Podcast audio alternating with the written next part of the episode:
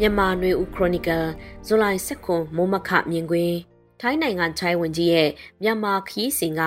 NLD ပါတီဝင်တွေအမတ်တွေအပေါ်ဘလို့တက်ရောက်တယ်လဲဆိုတဲ့စောင်းပါကိုဖတ်ကြားပေးသွားပါမယ်။ဇူလိုင်17ရက်နေ့သတင်းတွေထဲပြီးခဲ့တဲ့ဇူလိုင်9ရက်နေ့ကထိုင်းနိုင်ငံချိုင်းဝင်ကြီးဒွန်ပရာမတ်ဝီနာရဲ့နေပြည်တော်ကိုတိတ်တဆိတ်တွားရောက်ခဲ့တဲ့သတင်းထွက်ပေါ်လာခဲ့ပြီးဘာအကြောင်းကြောင့်တွားတယ်ဆိုတာမသိရှိကြသေးပဲနောက်တရက်အကြာဇူလိုင်12ရက်နေ့နနက်မှာတော့ ထိုင်းနိုင်ငံချိုင်းဝင်ကြီးရဲ့နေပြည်တော်ခရီးစဉ်က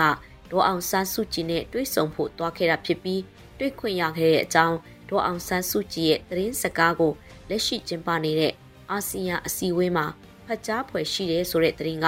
ရုပ်ချီပြန့်နှံ့သွားခဲ့တာဖြစ်ပါတယ်။သူစီကနေဒေါ်အောင်ဆန်းစုကြည်နဲ့တွေ့ဆုံခဲ့မှုကနေတွေ့ဆုံဆွေးနွေးရေးကိုအားပေးတယ်ဆိုတဲ့စကားကလွှဲရင်အခုအချိန်ထိအသေးစိတ်ထုတ်မပြောတာမျိုးမရှိပါဘူး။ Pan Orange News ကပဲဒေါ်အောင်ဆန်းစုကြည်က PDF နဲ့ AUG တို့ကိုအတိအမှတ်မပြုတ်သလိုထောက်လဲမထောက်ခံဘူးလို့ထိုင်းနိုင်ငံချိုင်းဝင်ကြီးနဲ့တွေ့ဆုံစင်မှာပြောခဲ့တယ်ဆိုပြီးရေးခဲ့ပါတယ်။ထိုင်းနိုင်ငံချိုင်းဝင်ကြီးကတစ်ဖက်သက်ကိုစားပြုထင်ဟပ်ပြောဆိုမှုများသည့်ယုံကြည်လက်ခံနိုင်ဖွယ်မရှိကြောင်းအမျိုးသားညီညွတ်ရေးအစိုးရကဇူလိုင်လ14ရက်မှာထုတ်ပြန်ပါတယ်။ထိုင်းနိုင်ငံဒုတိယဝန်ကြီးချုပ်နဲ့နိုင်ငံချိုင်းဝန်ကြီးအဖြစ်တာဝန်ယူထားသောဒွန်ပရာမုတ်ဝင်းနာ၏ လက်တလောမြန်မာနိုင်ငံခီးစဉ်တွင်နိုင်ငံတော်၏အတိုင်းပင်ခံပုဂ္ဂိုလ်တော်အောင်ဆန်းစုကြည်နှင့်တွေ့ဆုံခွင့်ရရှိခဲ့သည်ဟုအာဆီယံနိုင်ငံချိုင်းဝင်ကြီးများအစည်းအဝေးနှင့်သတင်းမီဒီယာများအားထုတ်ဖော်ပြောဆိုမှုများသည့်အာဆီယံ၏မြန်မာအရေးအခြေခံဘုံသဘောတူညီချက်9ရက်နှင့်မြန်မာနိုင်ငံဆိုင်ရာအာဆီယံအထူးကိုယ်စားလှယ်၏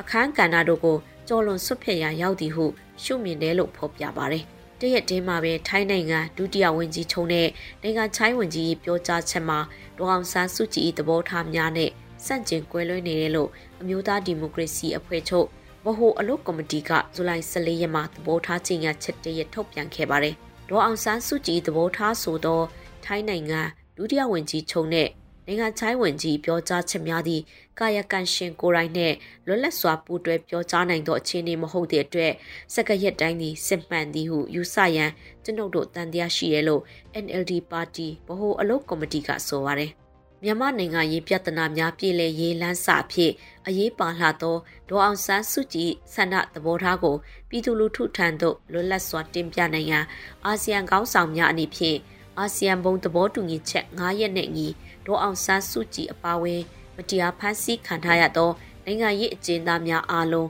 အမြန်ဆုံးလွတ်မြောက်၍လွတ်လပ်သောသဘောထားအမြင်ဖော်ထုတ်နိုင်မှုကိုအားစိတ်လှုပ်ဆောင်တင်ကြောင်းတိုက်တွန်းအပ်တယ်လို့ဆိုထားပါတယ်။ဇူလိုင်18ရက်နေ့မှာတော့ GSCC တပိတ်ကော်မတီအင်အားစုကထုတ်ပြန်ရမှာထိုင်းနိုင်ငံချိုင်းဝင်ကြီးသည်မြန်မာပြည်သူများ၏လူဦးတော်လှန်ရေးအားလက်လူရှုစော်ကားသည့်အပြင်နိုင်ငံရေးအရာသွေးခွဲရန် ထိုးခွဲရန်ကြံစီစ조사ခြင်းဖြစ်တယ်လို့အထွေထွေတပိတ်ပူပေါင်းဆောင်ရွက်ရေးကော်မတီ GSCC ကဆိုပါတယ်လူပုဂ္ဂိုလ်အခြေမပြုနိုင်ငံရေးမှုအခြေပြုလူဦးတော်လှန်ရေးဖြစ်ကြောင်း GSCC ကဆိုလိုက်ပါတယ်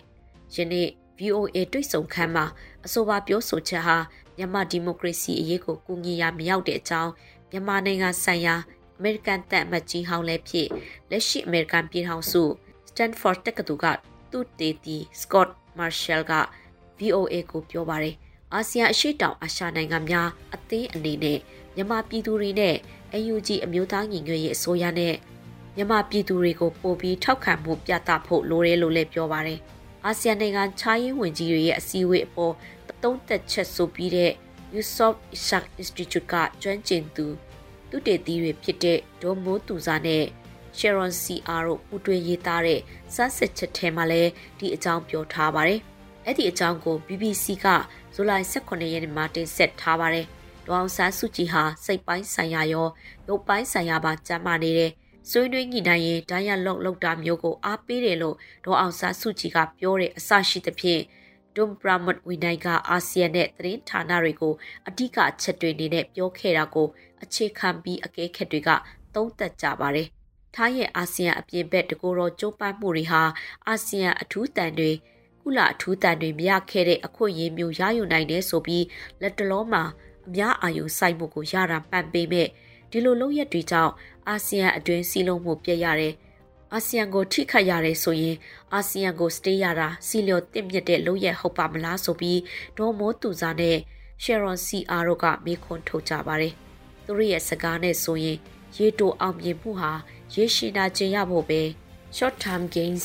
long term pains လို့ဆိုထားပါတယ်။နားလေသဘောပေါက်ချက်တွေးရင်တော့ထိုင်းနိုင်ငံဟာမြန်မာပြည်လိုပဲရွေးကောက်ပွဲရလဒ်ကနေနိုင်ငံရေးပြဿနာကိုထွက်ပေါက်တော့မဟုတ်အဖြစ်ရှာပေးနိုင်တဲ့အခြေခံမရှိပါဘူး။ထိုင်းစစ်တပ်အာဏာသိမ်းမှုအစစ်အစမှာထိုင်းဗိုလ်ချုပ်တွေ၏ပါတီတွေနဲ့အာဏာအခွင့်ထူးခံလူအန်းစားများဘရင်ကိုင်းစစ်အုပ်စုကိုင်းခ ရိုနီကိုင်းတော်သားများ၏ချဲလေကန့်သက်မှုတွေနဲ့အခြေခံဥပဒေအကျက်တီအောက်ကရုံးမထွက်နိုင်တဲ့နိုင်ငံတနိုင်ငံလည်းဖြစ်ပါတယ်။လူထုထောက်ခံလို့မဲနိုင်တဲ့ပါတီတွေလည်းတက်တန်းတိုကြရလည်းရှိပါတယ်။ဒီတော့ထိုင်းနိုင်ငံရေးမှာဘရင်ကနေကြားဝင်စစ်ဆက်တဲ့ဆိုပြီးစေမီတုံနဲ့ပြဿနာကိုဖြေရှင်းလက်ရှိကရေရှည်ဖြေရှင်းရမယ့်တိုင်းပြည်ပြဿနာကိုအချိန်ဆွဲရွှေ့ဆိုင်ထားလက်ရှိတာကြောင့်လေးလာသူတွေကရေတိုအောင်မြင်မှုဟာရေရှည်မှာနာကျင်ရဖို့ပဲလို့ပြောတာဖြစ်ပါတယ်။ ထိုင်းနိုင်ငံနဲ့မတူတဲ့အချက်တစ်ခုကတော့နှစ်ပေါင်း30ကျော်တမ္မဏိသက်ရှင်လူထုထောက်ခံမှုနဲ့ရက်တီနိုင်ခဲ့တဲ့လူထုကောင်းဆောင်ဒေါ်အောင်ဆန်းစုကြည်နဲ့ NLD နိုင်ငံရေးပါတီကြီးယခုထက်တိုင်းဆက်လက်တည်ရှိနေဆဲဖြစ်တာနဲ့စစ်အာဏာရှင်ကိုအပိသက်ဖြစ်သိမ်းပစ်ဖို့အတိမရီမှန်းချက်ချထားတဲ့နယူးတော်လှိုင်းလှုပ်ရှားမှုမှာအင်အားစုပေါင်းစုံမျိုးဆက်ပေါင်းစုံနိုင်ငံရေးပါတီတွေတိုင်းသားတွေလက်နက်ကင်တွေအရက်ဖက်လူအဖွဲ့အစည်းတွေ လူငယ်တွေစသည့်တစုတစည်းတွေတိုက်ပွဲဝင်နေကြတဲ့အချက်ပဲဖြစ်ပါတယ်2020ရွေးကောက်ပွဲရလဒ်ကနေလွတ်တော်တရက်ဖြစ်တည်ဖို့စစ်အာဏာသိမ်းလိုက်လို့မဖြစ်နိုင်တော့တော့လဲကြားဖြစ်အစိုးရကြားကာလလွှတ်တော်ကိုစားပြုကော်မတီအမျိုးသားအတိုင်ပင်ခံကောင်စီစတဲ့တပ်ဦးမဟာမိတ်တပ်ပေါင်းစုအသွင်သဏ္ဍာန်တွေဖြစ်တည်လာခဲ့ပြီးဖြစ်ပါတယ်။ NLD ပါတီဝင်တွေလွှတ်တော်အမတ်တွေထဲကအချို့ကຫນွေဦးတော်လှိုင်းကကြာရရောက်ရအခန်းကဏ္ဍအသီးသီးမှာ ပါဝင်ဆောင်ရွက်နေကြတာကိုတွေ့မြင်ကြရပြီးအချို့ဆိုရင် UNG အစိုးရပြည်ထောင်တဲ့ကာကွယ်ဝင်ကြီးဌာနတွေကဒေသခံအုပ်ချုပ်ရေးကာကွယ်ရေးလုံခြုံရေးဌာနတွေအစုအဖွဲ့တွေမှာလှုပ်ရှားနေကြပါတယ်။အခြားအစုအဖွဲ့တွေအရက်အဖွဲ့လက်နက်ကင်အဖွဲ့စတဲ့အစုအဖွဲ့တွေမှာလည်း NLD ပါတီဝင်တွေအမတ်တွေပါဝင်ကြတယ်လို့ဆိုပါတယ်။သို့တော့အထက်ကဖော်ပြခဲ့သလိုဒေါ်အောင်ဆန်းစုကြည်က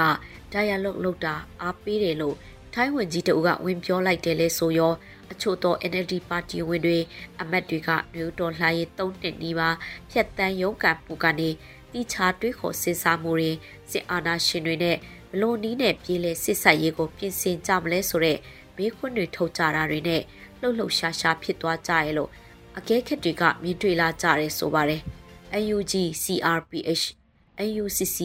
ERO နဲ့အခြားမြေပြင်ကအင်အားစုတွေနဲ့လက်ရှိမဟာမိတ်တို့တပ်ပေါင်းစုတို့စစ်ဆိုင်ရေးတွေအပေါ်ကိုလည်းသူတို့တွေကအတွင်းဝင်ဖန်ရေးတွေလှုပ်လာကြတယ်ပြောတန်များထွက်လာပါတယ်။ဒါကြောင့်အချို့သောမဟာမိတ်လက်နက်ကင်တိုင်းသားအဖွဲ့ထဲက